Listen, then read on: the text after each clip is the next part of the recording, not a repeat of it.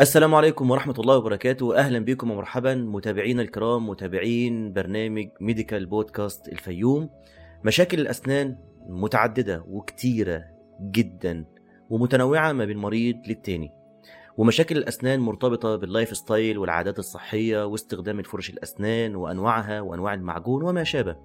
والنهاردة مع حلقة جديدة ومميزة مع أحد آه، قامات طب الأسنان دكتور محمود أبو سيف أخصائي طب الفم آه، والأسنان أهلا بحضرتك دكتور محمود. أهلا وسهلا أستاذ خالد واهلا بفريق عمل ميدكاست. النهاردة آه، حلقة قوية جدا ومميزة عن مشاكل الفم آه، والأسنان. في البداية نحب نتعرف من حضرتك على أشهر وأهم المشاكل اللي ممكن بيعاني منها ال- المرضى فيما يخص الفم والأسنان. أهلا بحضرتك مرة تانية يا أستاذ خالد. أنا يعني أقدر أبدأ أقول إن أول مشكلة وأكتر مشكلة الإنسان بيواجهها في أسنانه هو التسوس لأن هو مرتبط بألم جامد فبيسعى للعلاج إليه. تاني مشاكل هي مرتبطة بصحة الفم أو اللثة آه، سواء كان التهاب في اللثة أو دم بينزل من اللثة. ده من الأسباب الرئيسية برضو لمشاكل الأسنان. تالت مشكلة هو عدم ترتيب الأسنان أو مشاكل ليها علاقة بالعضة. آه، أو اختلاف في توزيع الأسنان في البق آه، أو آه، تطابق على الأسنان مش مظبوط فده برضو شيء بيسعى إلى العلاج زائد العادات السيئة اللي.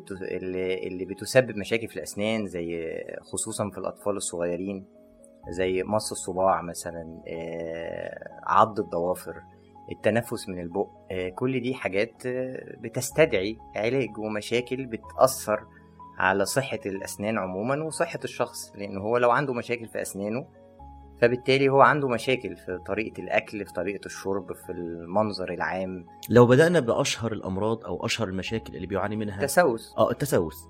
طيب سريعا كده يا دكتور محمود إيه ممكن تكون أسباب تسوس الأسنان؟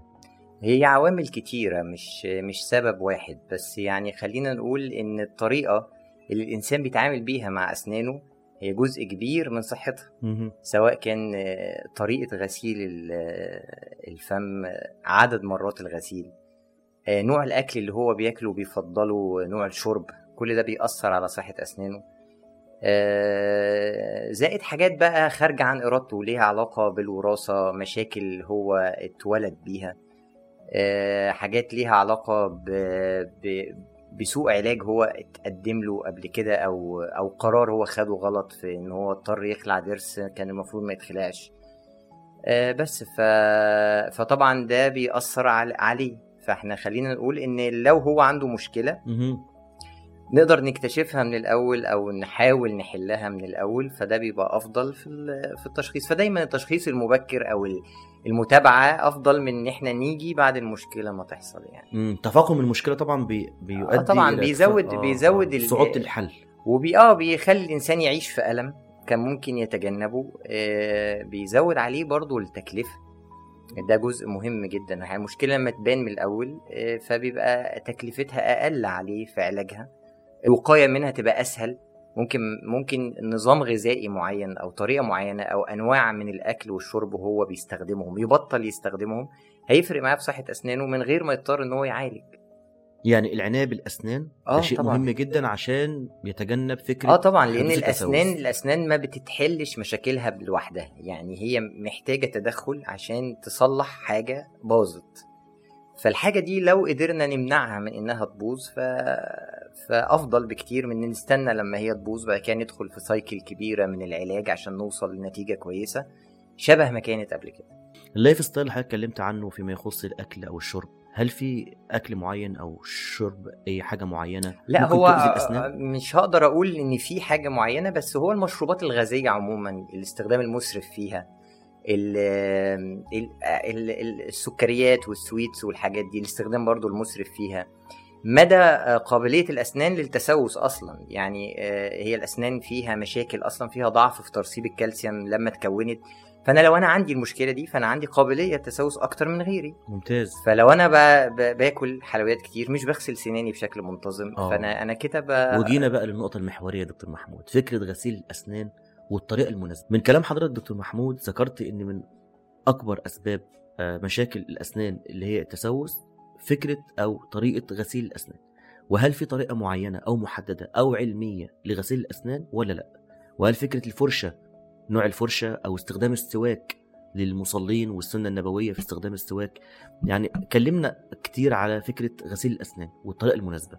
أه والله بص يا أستاذ خالد هو السؤال آه، جميل وجاي في وقته الحقيقة. هو يعني هي إجابته متعددة شوية آه، بس خليني أقول إن أهم حاجة في الأول خالص إن إحنا لازم نبقى عارفين إن السنان محتاجة عناية مش لوحدها هتبقى كويسة. ممتاز. تمام؟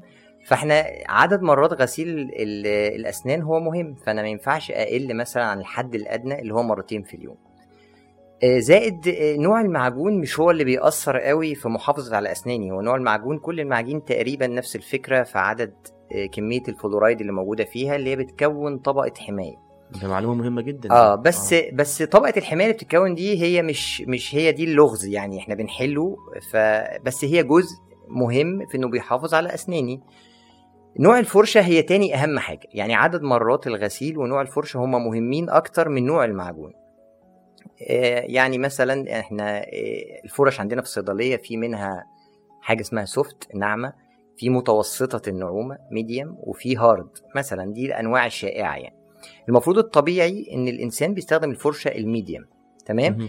بس طبعا دي بترجع لقرار الدكتور المعالج يعني في ناس عندهم اللثة بتبقى أنسجتها ضعيفة soft شوية شوية مم. مش ضعيفة مهم. بس هي نوع نوع النسيج زي لينة. زي ال skin زي زي الجلد كده تمام نوع إحنا عندنا فيه نوعين من اللثة في ناس. بيبقى عندهم اللثة thick شوية تخينه بتستحمل ال- ال friction أو الاحتكاك الجامد وفي نوع تاني أقل فاحنا بن- بنمشي على حسب طبعا دكتور المعالج ورأيه بس المتوسط إن إحنا بنستخدم فرشه medium فدي بتجيب نتيجة أفضل. تالت أهم حاجة بقى طريقة الغسيل.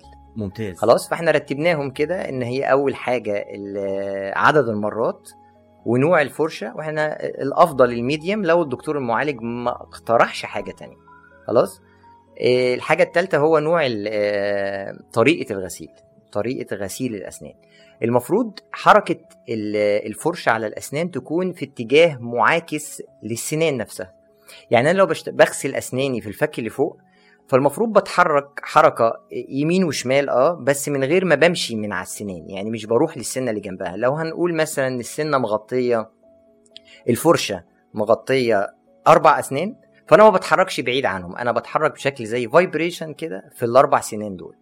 وأنا شغال في الفك اللي فوق أو بنظف سناني اللي فوق. فأنا بعد ما بمشي مثلا هنقول مثلا مثال بسيط إن أنا اعد 10 عدات vibration شمال يمين على الأربع سنان اللي قدام. هقوم نازل لتحت عكس اتجاه سناني. عشان الأكل اللي اتجمع في الفرشة يخرج. وأعيد نفس الكلام. الطريقة دي هتبان مملة في الأول بس ده جزء مهم. إحنا لازم نعرف إن الهدف من الفرشة إنه يطلع الأكل اللي أنت مش شايفه. يعني مش الأكل اللي أنت شايفه الأكل اللي أنت مش واخد بالك إنه موجود أو بقايا الأكل اللي أنت مش واخد بالك منها. فهي في الأول أنا لما أجي أتعود على الطريقة دي هلاقي نفسي بطول يعني أكتر من ربع ساعة بغسل أسناني.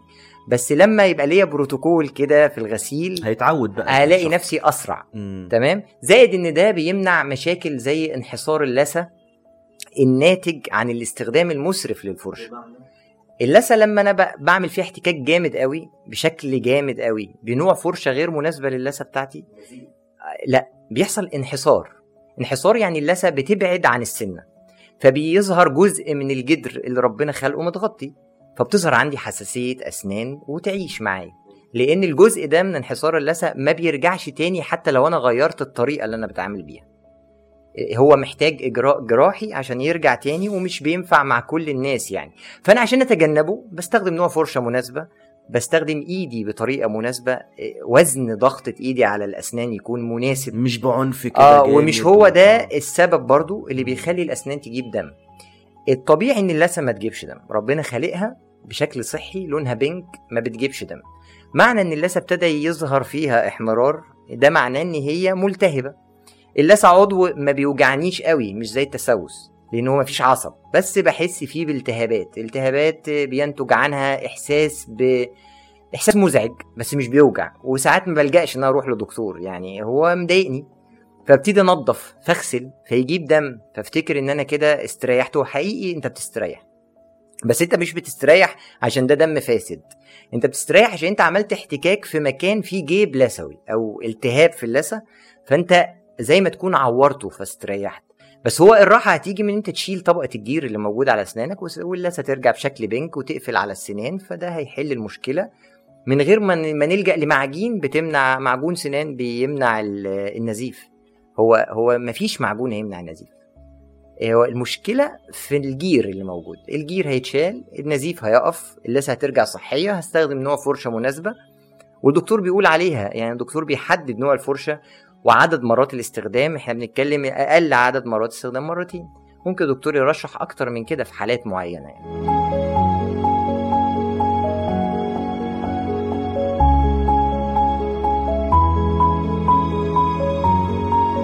مشاكل الأسنان يا دكتور محمود والأمراض المزمنة مثل السكر الضغط أمراض النزيف كيفية التعامل معها؟ والله هي يعني خليني نتكلم عن الأمراض الأكثر شيوعا.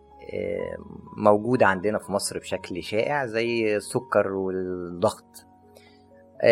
ودول مفيش مشاكل قوية قوي في علاج الأسنان فيهم طالما زي ما بنقول كده هو الشخص كنترولد يعني واخد بياخد علاجه بيتابع مع الدكتور المتخصص بتاعه مثلا سكره مظبوط على المدى الطويل. وده بنقدر نعرفه بشوية تحاليل ونسأل برضو الدكتور المعالج. ما عندناش مشاكل قوية قوي إلا لو كان المريض مش مهتم بمرضه أو يعني سكره دايما مش مظبوط وده بيصعب علينا التئام الجروح في حالات الزراعة بيأثر عليها جدا لأن لأن اللي بيقلل من الالتئام ودي حاجة إحنا بنحتاجها سواء كان بعد الخلع مثلا أو بعد إجراء زي الزراعة مثلا أو كده. مريض الضغط برضو لو الموضوع كويس ومستقر والدكتور الأخصائي ما عندوش مشكلة أو عنده تعليق عن حاجة معينة بنقدر نعمل كل الإجراءات اللي ليها علاقة بالأسنان ينفع تعمل في العيادة حشو أو خلع أو بمنتهى الأمان مفيش أي آه خطر مفيش المريض مشكلة خالص. طالما إحنا مم. عندنا آه، آه، يعني عندنا background كده خلفية إن المريض آه، كل حاجة عنده مستقرة وده مهم طبعاً- في الهيستوري بقى اللي بيتاخد على آه المريض طبعا قبل ما بنعرف. نوع آه. العلاج اللي بيستخدمه. هل العلاج ده ليه تفاعل مع أي حاجة آه بنسأل برضو الدكتور المتخصص لو إحنا عندنا سؤال مثلا في علامة استفهام محتاجين نجاوب عليها قبل ما نبدأ لازم نكون راجعين للدكتور المتخصص. وده أفضل طبعا من إن إحنا ن- نبروسيد نمشي في في خط في خطة علاج مش عارفين أبعادها. بس طالما المريض آه، أموره مستقرة وكل حاجة تمام ضغطه مظبوط وإحنا بنخليه برضو يقيس الضغط أثناء خطوات العلاج فأعتقد الأمور بتبقى كلها طيبة يعني إن يعني شاء فكرة الله. ال team work يا دكتور محمود هل هي فعلا مهمة برضو في مشاكل الأسنان؟ آه طبعا. ولا طبيب الأسنان بيشتغل بمعزل عن كل التخصصات؟ لا لا طبعا خالص. هو هو دكتور الأسنان هو link ما بين تخصصات كتيرة قوي آه، مش بس ليها علاقة بالفم يعني الموضوع أكبر من كده شوية. هو صحيح إحنا بنعالج في الآخر الأسنان بس إحنا إحنا بنعالج إنسان يعني مش بنعالج حاجة تانية مش جماد يعني. فالإنسان عنده لينك بين حاجات وبعضها وحاجات بتأثر على حاجات. وفي أمراض إحنا بنكتشفها عن طريق صحة الفم يعني حالة الفم بنقدر نستنتج منها ساعات أمراض بيكون المريض مش عارفها مع مش واخد باله منها.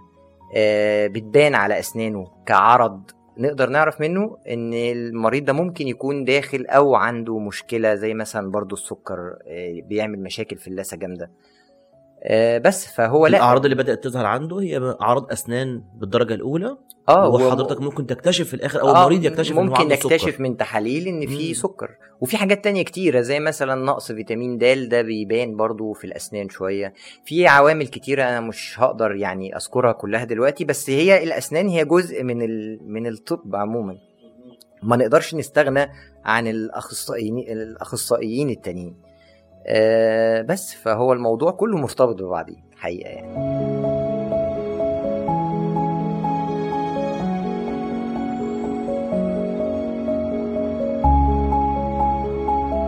تطور آه، آه، علاجات الفم والأسنان وتطور هذا المجال تطور رهيب وسريع ومدى مواكبة أطباء الأسنان لهذا التطور. يعني إحنا قديما كان إجراءات طب الأسنان كانت ماشية إزاي بأني أسلوب. ودلوقتي التطور التكنولوجي ودخول ال digital tools دلوقتي بقت موجودة في طب الأسنان. يا ريت حضرتك ممكن نكلمنا تكلمنا عليها. والله ده سؤال مهم جدا بس خليني آه، يعني أبدأ معاك من الآخر للأول. إحنا دلوقتي أنا وزمايلي كتير في مجال طب الأسنان بقى الموضوع عندنا آه، فيه شغف. مش بس على قد إن إحنا بنقدم خدمة علاجية لا إحنا كمان بنحاول طول الوقت إن إحنا ندخل تكنولوجيا جديدة عندنا في العيادات والمستشفيات والمراكز ونساعد بعض ونقدر ناخد من كل التخصصات عشان نقدر نجيب نتيجة أفضل للشخص ده. يعني إحنا ممكن آه، شخص هيكون عنده خطة علاج معينة داخل فيها كذا تخصص جوه الأسنان ودي حاجة ما كانتش موجودة قديما إن إحنا إن دكتور الأسنان هو زمان دكتور الأسنان بيعمل كل حاجة. الموضوع دلوقتي لا هو مختلف. دكتور الاسنان ما بقاش يقدر يعمل كل حاجة لأن هو محتاج يركز في حاجات عشان يقدر يطلع منها أفضل نتيجة. في المقابل بيحتاج زمايله في الحاجات التانية عشان يقدروا يطلعوا في الآخر آه، نتيجة مرضية للشخص ده. فإحنا آه، في في حاجات ظهرت جديدة عندنا في المجال وهي مش مش جديدة دلوقتي هي بقى لها سنين. بس آه، بس نقدر نقول إن هي حسنت من الخدمة العلاجية زي جزء ال digital. جزء ال digital فيه بقى آه، مواضيع كتير قوي ممكن نتكلم عنها إن إحنا نقدر نحدد شكل الابتسامة مثلا. عن طريق شوية صور ناخدها للشخص وننزلها على الكمبيوتر بشوية برامج بسيطة كده فنديله صورة أو انطباع عن شكل الابتسامة قبل ما يعمله. مم. فيبقى هو متخيل النتيجة النتيجة المتوقعة. قبل ما نبدأ في أي علاج بالظبط. وده جزء من خطة العلاج. اللي عندنا مثلا جزء ليه علاقة بال- بالمقاسات. زمان كان الناس بتتضايق قوي لما تيجي تعمل crown طربوش أو تركيبة بتاخد مقاسات بعجينة و... والعجينة بتضايق آه، ريحتها مش حلوة كده. دلوقتي بقى عندنا حاجة اسمها intra oral scanner وده آه، السكانر ده متوفر وموجود عند ناس آه، رائع. كتيرة و- وبيقدم نفس خدمة العجينة بشكل professional أكتر. وبيزود لنا ال accuracy بتاع الشغل. دقة الشغل بتبقى أعلى بكتير. آه هو مش بس مش بس هو م- م- معمول عشان إن هو نتخلص من العجينة. هو هو برضو العجينة ليها مهام أخرى بس بقت أقل شوية. إنما هو الأهم دلوقتي إن مثلا السكانر ده بيقدر يصور الشغل اللي إحنا عاملينه بيطلع على الكمبيوتر بنقدر نبعته لل lab أو المعمل اللي هيشتغل الشغل ده عن طريق ال mail مش لازم نبعته بشحن مثلا أو حاجة. بيقدر يعمل لنا الشغل ال crown أو التركيبة أو يعمل لنا ال design اللي إحنا بنتكلم عنه أو تصميم الابتسامة ويبعتها لنا تاني عشان نعرضها. فده بيوفر علينا وقت بيزود دقة بيحسن من الخدمة وبيخلي ال feedback عند الإنسان أفضل يعني بيتشجع إن هو يعمل ده.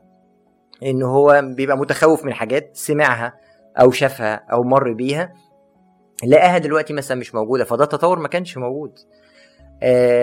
ما كانش موجود خالص ما كانش فيه ال- الموضوع ده يعني. بقى عندنا حاجات كتيرة دلوقتي بتزود من آه، من حجم تكبير الأسنان زي مثلا ال- الميكروسكوب الجراحي. برضو في ب- م- متخصصين في الموضوع ده بيقدروا يشتغلوا بميكروسكوب جراحي بيدينا تكبير كبير التكبير الكبير ده بيفرق معانا في تفاصيل كتيرة زائد إنه بيسجل كل حاجة. فأنت تقدر تشوف المشكلة قدامك والدكتور كمان شغال. فمن ناحية التطور فهو طب الأسنان تطوره مش بيقف. آه، ولا كمان دكاترته قادرة تقف. يعني هو. الموضوع آه، اللي كله بيجري. سريع جدا. آه ف... فهو كل الدكاترة بتحاول تبذل مجهود أكبر دلوقتي. تحاول توصل ل... لأحسن خدمة تقدر تقدمها. آه، بس ف... فأنا يعني أنا متفائل بالموضوع ده جدا يعني. من الشائع إن معظم أطباء الأسنان بيستهلكوا وقت المرضى بشكل كبير جدا ومعظم المرضى بيبقى حامل هم اليوم اللي هيزور فيه دكتور الأسنان. إزاي دكتور محمود تغلب على فكرة التحكم في مواعيد المرضى وفي انتظام ال- ال- العيادة ومواعيد الكشف فيما يخص النظام اللي موجود في العيادة؟ والله يا أستاذ خالد أنا الموضوع ده مهم عندي جدا الحقيقة. لأنه هو بيسبب مشاكل. هو آه، عموما عيادة الأسنان بتعتمد على إجراءات. فالإجراء نفسه بياخد وقت تمام؟ مش مش سهل إن إحنا نقدر. نعمل الاجراء في وقت صغير يعني. فإحنا من أهم الحاجات اللي أنا بحب إن أنا أطبقها وأنا حرصت على إن أنا أعمل ده من الأول إن أنا يكون عندي مواعيد. حضرتك هتيجي مثلا تحجز ميعاد فأنت المفروض بتيجي ما تلاقيش حد في العيادة غير حضرتك. آه، إلا لو لقيت حد بيخلص ميعاده جوه وخارج يعني آه، ده بيوفر عليك وقت بيحسن من جودة الخدمة بيقلل الستريس كمان لأن أنت لما بتشوف ناس كتيرة موجودة ده ممكن يضغطك ممكن يضايقك آه، ممكن يخليك مش. مش متقبل الخدمة آه، ممكن تكون موجوع وبرضه دي حاجة مهمة أنت جاي تعبان فأنت عايز آه، بسرعة تلاقي حل يعني مش ما عندكش ساعات تنتظر ثلاث ساعات أو أربع ساعات ف والحقيقة ده مش عندي أنا بس في ناس كتيرة دلوقتي بتطبق الموضوع ده وهو أفضل ليك وليا يعني هو أفضل إن أنت هتقدر تيجي تاخد الخدمة في الميعاد زائد إنك ما عندكش ستريس في إنك وراك شغل فأنت مش فاضي لل... للانتظار يعني. بس الحقيقة ده كان فيه مشكلة في تطبيقها لأن الناس مش متعودة على ده. ثقافة جديدة شوية. آه لا وكمان غريبة. مم. يعني أنت إزاي آه، فاضي؟ ما أنت برضو آه، إزاي آه، إزاي احترمت ميعادي فاهم؟ هو مش متعود إن إن أنت ليك ميعاد هتيجي تلاقي فيه الدكتور موجود وهتلاقي العيادة مستنياك. ف... فده طبعا كان صعب الأول إنك تقدر تطبقه وت... وتوسع دايرة المعرفة بالنوع ده. بس الحقيقة أنا لما طبقته والناس جربته كان انطباعهم آه، حلو جدا لأن هو مفيش أي سلبيات منه. أنت أنت عايز آه، أنا حريص على وقتك وحريص برضو على وقتي. فإحنا عايزين إحنا الاتنين نودي الخدمة في حتة تانية. فاهم أنا أقصد إيه. فالحقيقة ده جزء مهم جدا. وأنا كمان زمايلي بيقولوا لي إن تطبيق ال system اللي أكبر مني كمان وأساتذتي تطبيق ال system بيقلل الضغط على الدكتور. بيخليه مركز أكتر بيخليه قادر يستوعب مشكلة ال- الشخص بيخلي فيه ال communications يعني أحسن. مهم. التواصل قوي جدا. آه ف... ففي الآخر النتيجة إن ده منظومة أفضل من خصوصا في عيادة الأسنان. وبيعود برضه في الآخر بالنفع على المريض. آه طبعا. أنت وفرت وقت. جدا كتير يعني. خد خدمة فعلا براحتها تمام بالظبط. بس هو برضو مفيش حد بيقتنع بده غير لما يشوفه فاهم؟ يشوفه. يجرب آه يشوفه ويجربه. مم. بس ف... فالتوقيت والميعاد ده شيء مهم جدا عشان تقدر تحقق ال- المرغوب بقى يعني تحقق اللي انت عايزه في الآخر.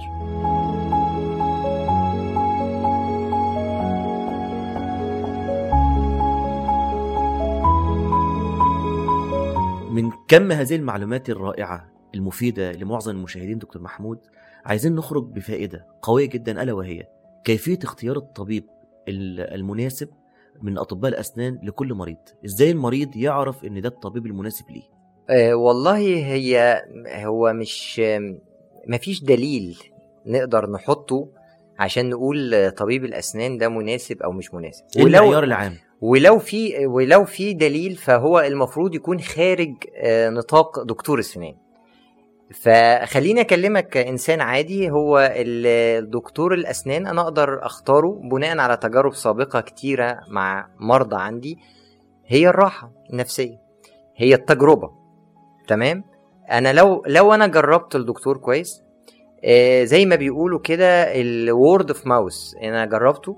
فهو أنا شايفه كويس فأنا هقول لأخويا يروح للدكتور ده. آه، هو جربه فشاف إن هو كويس فاستريح له فجاب مثلا آه، آه، أخوه التاني جاب صاحبه جاب فا- فاهم أنا أقصد إيه؟ فهو الموضوع لازم يعتمد مفيش criteria ثابتة. إن أنا أقول الدكتور ده كويس أو وحش. مفيش أي عوامل آه، غير إن أنا أكون مستريح نفسيا. لأن هو طبيب الأسنان هو طبيب شخصي جدا. بيتحمل آه، ال- المريض معاه stress إن هو خايف قلقان. تجارب سابقة فشلت في علاجه فهو مستني من الدكتور حاجات كتير قوي. فعشان كل ده يتوفر في دكتور فلازم المريض هو اللي يختار هو اللي يشاور هو اللي يقول أنا استريحت مع ده.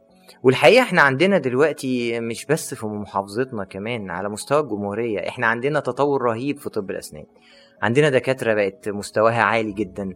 عندنا ناس طموحة. عندنا دكاترة بتعمل ابجريد لعيادتها للأماكن. أم، لا الحقيقة أنا يعني أنا ب- أنا بشوف من أساتذة ليا كتير زمايلي حتى تلامذتي. أنا ما أقدرش أقول تلامذتي هم مش تلامذتي بس يعني آه، دكاترة آه، يعني ساعدنا بعض أو أنا ساعدتهم إلى حد ما في إن كان لسه صغير أو يعني مش عارف التوصيف يبقى إيه بس أنا شايف عندهم شغف إن هم يقدموا الخدمة كويس ففي الآخر في الآخر الموضوع بيعود على إن إن هو المريض ياخد خدمته بشكل كويس وهو اللي يحكم إن أنا استريحت فأنا. كده أقدر أقول إن المعيار هو الشخص مش الدكتور وتخوف معظم المرضى من فكرة انتقال العدوى أو ما شابه وتطور التعقيم داخل عيادات الأسنان الموضوع دلوقتي بقى مش زي زمان. خالص. آه، وما بقاش فيه التخوف ده. لأن من أساسيات العيادة دلوقتي هو أجهزة التعقيم الحديثة اللي هي أصلا بتعالج مشاكل أجهزة التعقيم القديمة اللي هو طريقة التعقيم بدرجة حرارة مناسبة مع ضغط عالي مع حاجة اسمها فاكيوم بيوصل لكل حاجة في الأدوات اللي أنت بتعقمها. زائد إن نسبة الأدوات المستهلكة اللي هي أصلا ما بنستخدمهاش تاني بقت بتتعدى 50 أو 60% من إجمالي الأدوات لا يعد استخدامها مرة أخرى. مرة آه بتترمي. خلاص. فهي قلت عدد الاستخدام. حاجات معينة بسيطة هي اللي بنقدر نستخدمها تاني ودي بتمر ب cycle من النظافة والتعقيم. يعني أعتقد إن هو بقى satisfied جدا ما ما بقاش في حد بي بيرهبه أو بيخافه. لأن هو بقى أساسي. في العيادة يعني جزء لا يتجزأ من العيادة أجهزة الأوتوكلاف أو أيوه. أجهزة التعقيم. الحديثة واللي هي بما تسمى أجهزة التعقيم ال- بال... بدرجة الحرارة والضغط مع بعض ومعاهم حاجة اسمها vacuum بيشفط الهواء اللي هو لسه ما اتعقمش وبيدخل هواء جديد فهي cycle كبيرة عشان ما نبقاش مزعجين ولكن هو كافي إنه يطمئن معظم المرضى آه طبعا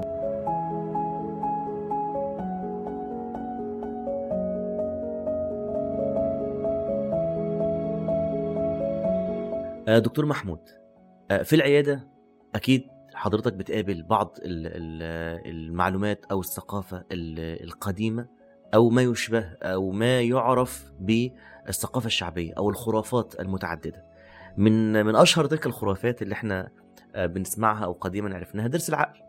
آه، الأول إيه علاقة درس العقل بالعقل أصلا؟ وفكرة إن العقل درس العقل لما يتخلع هل ده معناه انه هو أثر فعلا على القدرات العقلية؟ لا خالص. هو درس العقل درس زي أي درس ومش شرط ظهوره عند كل الناس يعني. بس هو فكرته إن هو بيطلع في سن الإنسان بيكون كبر شوية عاقل.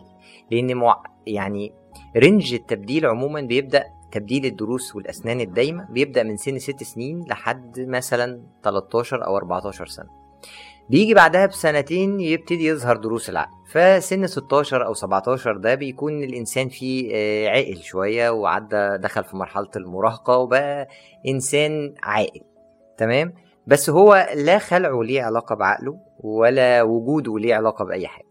فهو الموضوع شائع جدا إن خلع ضرس العقل ده هيأثر على ذاكرته أو عقله بتسمع حضرتك آه هذه طبعا التعليقات آه كتير آه آه وجميلة مستمرة. جميلة الحقيقة يعني هي مش جميلة خالص طبعا سخيفة سخافة. أصلاً.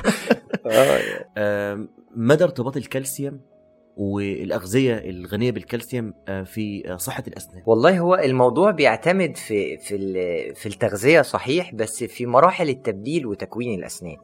سواء كانت في الأسنان اللبنية اللي بتظهر بعد الولادة ممكن بعد ست شهور أو سنة مثلا أو الأسنان الدايمة اللي بتظهر أثناء ال- الفترة دي من أول عمر ست سنين تقريبا. أي مشاكل صحية زي نقص الكالسيوم اللي هو ممكن دكتور الأطفال يكون عارفها بشكل أكبر مني يعني دي ممكن تأثر على نمو الأسنان.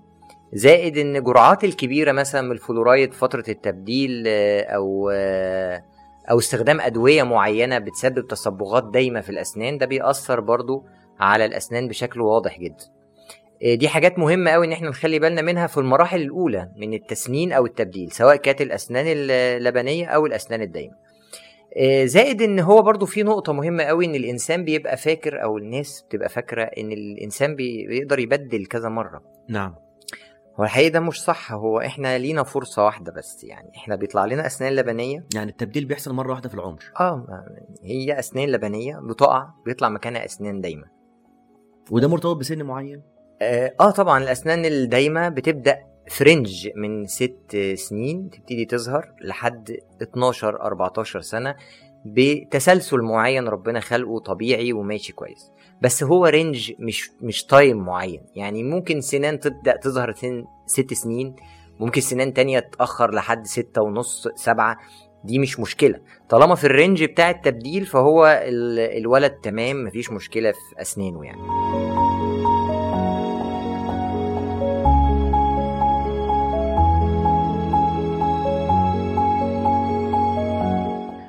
بالنسبة دكتور محمود التأخر في زيارة طبيب الأسنان. إيه هي المخاطر اللي ممكن يعني يعاني منها المريض لو اتأخر إن في أعراض معينة؟ أول ما تظهر حضرتك بتنصحه دائما إن هو يروح لأقرب دكتور أسنان. آه والله بص يا أستاذ خالد هو الموضوع مش أول ما تظهر. هو يستحسن إن هي ما تظهرش أصلا تمام؟ لأن هي ظهور المشكلة ده دليل إن هي كان في مجموعة من الأحداث حصلت أنا ما كنتش حاسس بيها. نتج عنها مشكلة فالمشكلة دي ابتدت تعمل لي ألم فابتديت أبحث عن علاج. هي إحنا دايما بنتكلم في الوقاية خير من العلاج ودي مهمة قوي في الأسنان لأن زي ما قلت في الأول الأسنان عضو مش متجدد. يعني مش مش هيخف لوحده. لازم حد يشوفه ويطمن إن كل حاجة ماشية كويس. إيه، يكفي جدا للإنسان إن هو يزور الدكتور مرة واحدة سنويا. كفاية جدا إن هو يعمل جلسة تنظيف جير. ودي حاجة روتينية جميلة جدا لصحة الفم والأسنان. آه، بيعمل شوية إشاعات آه، زي ما هنقول كده روتينية لأن جزء كبير قوي من عملية التسوس بتحصل ما بين الأسنان. هي حتى ملهاش أي ظواهر في الفم مش باينة مش باينة خالص. هي بتحصل ما بين السنان فدي بتبان بالإشاعات. ساعات ب- بإشاعات كده بالصدفة بنصورها لحد بيشتكي من حاجة بنلاقي إن في ضرسين أو ثلاثة فيهم تسوس جانبي محتاجين يتعمل لهم حشو. ممكن يكون هو ما بيستخدمش فرشة بشكل كويس فده سبب كده. ممكن يكون محافظ برضه على الفرشة والمعجون وبرضه ده آه، مش مش سبب أو مش آه، عايز أقول إن مش معنى إن هو محافظ على الفرشة والمعجون إن هو مش هيحصل له تسوس بس المتابعة هي أفضل لأن أنا لما أعالج المشكلة في أولها اولا أقل عرضة للألم مش همر بتجربة سيئة. احتمالية إن الضرس يعيش فترة أطول ويتعالج بشكل كويس أحسن زائد إن دي نقطة مهمة جدا التكلفة. التكلفة هتكون أقل لأن أنا عالجت المشكلة في البداية. بدري. آه ما وصلتش بقى إن الضرس اتكسر أو وصل للعصب يحتاج كراون أو في مشكلة. فهو ده أوفر على فكرة إن أنا أتابع. وفي عيادات بتقدم برامج زي ما هقول لك كده برامج وقاية.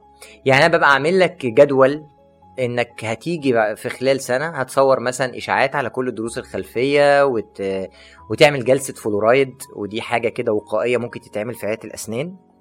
بتحسن من كفاءة الأسنان. مع الالتزام ب life style معين. بالظبط. لو أنت عملت كده أعتقد يعني إن إن الناس هتشتكي من سنانها بشكل أقل. يعني هتقدر توفر فلوس أكتر يعني. بس فده أفضل. تركيبات الأسنان.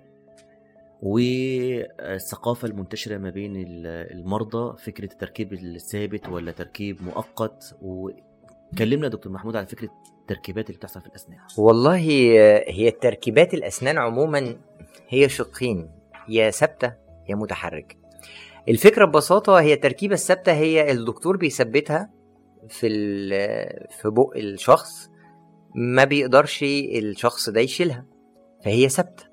المتحركة هو إن أنا بقدر أتحكم فيها. أنا كشخص أقدر أفكها وأركبها. فكرة إن إحنا نختار النوع ده بيعتمد على سيناريو الحالة اللي جاية. هي تنفع لها إيه؟ فده بناء على الخطة العلاجية. فإحنا لو اتكلمنا عن التركيب الثابت فهو شقين. إن هو التركيبات الصناعية الثابتة زي الكراون اللي بيتركب على ضرس اتكسر أو ضرس اتعمل له علاج عصب محتاج يتغطى بكراون والوظيفة الأساسية للكراون هي مش حماية الحشو. اللي اتعمل. هو الوظيفة الأساسية إنه يقلل ال- القوة اللي نازلة على الضرس في المضغ لأنه الضرس بقى أضعف شوية أو حجم التسوس فيه كان كبير فالضرس محتاج حاجة تدعمه. فال crown ده وظيفته الأساسية. آه، ما بيزودش من نجاح الحشو ال crown ومش شرط كل السنان أعمل لها crown بس دي سيناريو الدكتور هو اللي بيحددها. على حسب حجم التهدم والكسر اللي موجود الضرس حصل فيه إيه قبل كده. الحالة الصحية لل- للمضغ والفم عموما. النوع التاني من التركيب هو برضو زي التركيب الثابت هو اسمه الكوبري أو المعروف ال bridge. هو زي ال crown بس أنا عندي ضرس already ما أنا خلعه. فأنا عايز أعوضه. فبعوضه عن طريق حاجة اسمها bridge وال bridge ده بنحتاج إن إحنا نبرد فيه أسنان اللي جنب الضرس اللي إحنا عايزين نعوضه. فده هو ده يمكن من أحد عيوبه إن في أسنان هتتبرد فهتتأثر. بالبرد ده. هيجي قبليه ك option أفضل طبعا لو إحنا وصلنا إن إحنا عايزين نعمل bridge هو الزراعة. الزراعة هو تركيب ثابت برضو بس أنا ما بعتمدش على السنان اللي موجودة. أنا باجي مكان الجزء المخلوع وبحط حاجة زي جدر صناعي كده من مادة اسمها تيتانيوم حاجة الجسم بيتقبلها وبعد كده بنركب عليها crown فده بقى option أفضل. نتيجة أفضل آه، إن أنا كمان ما أثرتش على السنان اللي حواليه. بس في الآخر هو ده كلام. إنما الواقع هو اللي بيفرض نفسه. ممكن ما أقدرش أعمل زراعة لسبب آه، يخص الحالة الصحية للمريض يخص ال- ال- المكان اللي إحنا هنعمل فيه زراعة آه، مش مناسب. كمية العظم الخلع كان بقاله فترة. عوامل كتيرة هو الدكتور هيقدر يحددها مع كل مريض. حاجة نقدر نقول إن هي كاستمايزد على الإنسان ما ينفعش نعممها إحنا بنتكلم بس كفكرة عن التركيبات وفي الآخر هو كل حاله وليها بس اللي فيه. سيناريو معين طبعاً، طبعاً. هنمشي فيه مم. ولو أنا عندي كل السيناريوز متاحة فيبقى المريض هيقدر يختار السيناريو اللي يتناسب معاه يتناسب مع طريقته في الأكل يتناسب مع آه، احتياجاته وحاجات كتيرة يعني التركيب المتحرك هو زي الأطقم المتحركة الطقم اللي هو مش لازم طقم كامل مش لازم تكون كل السنان مخلوعة. هو بيعتمد على إنه هو بيسند على اللثة مش بس على الأسنان بيسند على الأسنان وبيسند على اللثة. فبيدينا قوة إن الإنسان يقدر ياكل بيه بس هو متحرك نقدر نفكه نركبه. وده حل عملي جدا ومفيد برضه وساعات بنستخدمه ساعات كمان بنستخدمه بشكل مؤقت. لأن إحنا مثلا لو دخلنا في خطة إن إحنا هنعمل زراعة والزراعة بنسب كبيرة قوي مش بنركب عليها في نفس الوقت مش كل الزراعات ينفع نركب عليها في نفس الوقت فبنحتاج إن إحنا نمشي بأسنان بشكل مؤقت لحد ما نقدر نكمل شغلنا على الزراعات ف... فالتركيب المتحرك هو جزء مهم من التركيبات آه، ليه ظروفه وليه عوامل معينة بنستخدمه فيها يعني.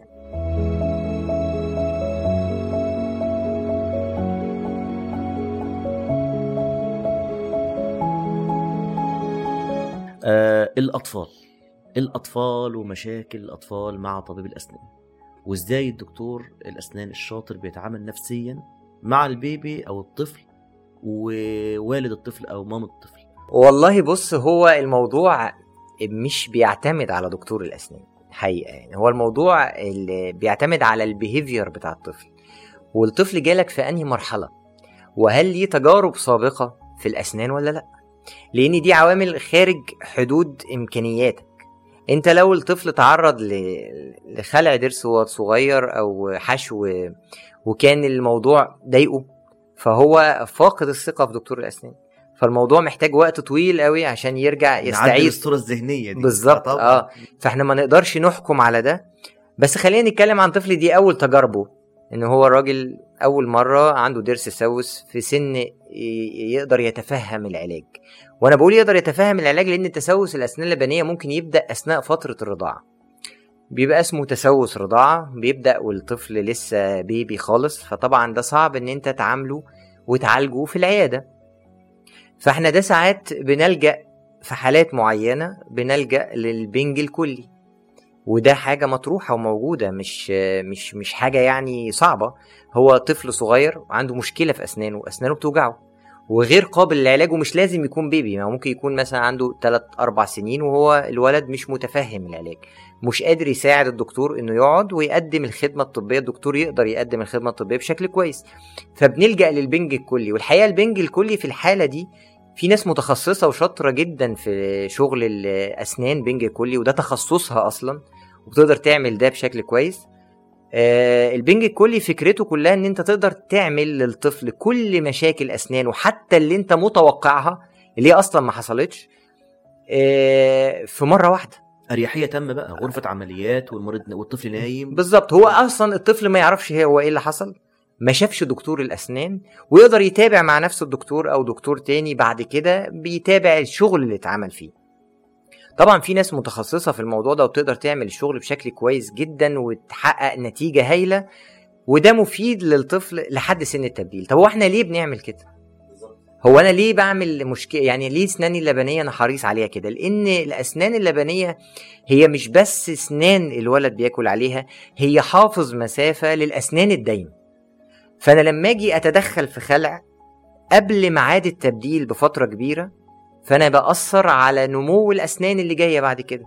يا إما بضيق المسافة اللي أنا خلعت فيها الضرس اللبني فيجي الضرس الجديد يطلع بعد أربع سنين خمس سنين يلاقي المكان اتقفل. يا إما بأثر على مضغ الطفل فالولد بيبقى خالع ضرسين أو ثلاثة فبيأثر على المضغ. وبعد كده هلجأ للتقويم. فيبقى أنا ما ما حسنتش من جودة العلاج للولد. بالعكس هو صحيح أنا خلعت له أسنان وهو صغير بس لما كبر عمل تقويم. وقت أطول ومجهود أكبر عشان يطلع السنان اللي اتحشرت. هل السيناريو ده دايما ماشي؟ لا هو مش دايما ماشي. بس إحنا السنة اللبنية أو الضرس اللبني اللي بيسوس هو مهم بالنسبة لنا طول ما هو بعيد عن ميعاد التبديل. لو هو مقرب من ميعاد تبديله وده بن بن بنقدر نقرره بإشاعة صغيرة قبل ما ناخد قرار ممكن الضرس ساعتها يتخلع لو الضرس الجديد قرب يظهر في البق. إنما ما قربش يظهر في البق والطفل غير متعاون فإحنا بنلجأ للبنج الكلي. بعيد إن لسه برضو ما قربش يظهر في البق بس الطفل متعاون بنقدر نعمل الشغل بتاعنا في العيادة عادي ونقسم شغلنا لو هو عنده كذا درس نعمل واحد بعد فترة نعمل التاني والولد يكون متقبل العلاج بشكل كويس. في حالات البنج الكلي أصل أو أولياء الأمور أو الأبهات بيخافوا جدا لما يسمعوا الدكتور بيقترح البنج الكلي. هي حاجة المفروض ما تقلقش لأن هو باين سلوك الطفل. إن هو باين هو غير متقبل. في حركة مش, آه غير مش غير غير غير كمان وغير غير الأطفال كمان اللي عندهم مثلا احتياجات خاصة. بس أنا بتكلم حتى الطفل ممكن يكون رافض العلاج. والده ووالدته شايفين ده كويس. والولد بالليل أو ما بيعرفش ينام من الوجع عنده مشكلة في أسنانه ومش بيعرف ياكل كويس. كل دي أسباب مخلية بيسعى على العلاج. وإزاي حضرتك بتطمن أولياء الأمور؟ والله هو هو أهم حاجة إن هو يكون مقتنع إن هو ده الأفضل للطفل. تاني حاجة إن إحنا نرشده على الأخصائي الكويس اللي يقدر يقدم الخدمة العلاجية دي مظبوط. الولد هينام ببنج كلي فإحنا محتاجين نعمل كل حاجة عشان ما نلجأش إن إحنا ندخل بنج كلي تاني. على الأقل في أسنانه لحد ما يعدي المرحلة دي. وفي نهاية الحلقة الممتعة مع دكتور محمود أبو سيف في عيادات دايموند لجراحات الفم والأسنان. نشكركم متابعينا الكرام وانتظرونا في حلقات قادمة كتيرة ومفيدة في الوعي الطبي والصحي مع ميديكال ميدكاست وفي النهاية تقدروا تتابعونا على المنصات المسموعة والمرئية سبوتيفاي وأنغامي اليوتيوب والفيسبوك وانتظرونا في حلقات قادمة مفيدة وممتعة بإذن الله. السلام عليكم ورحمة الله وبركاته.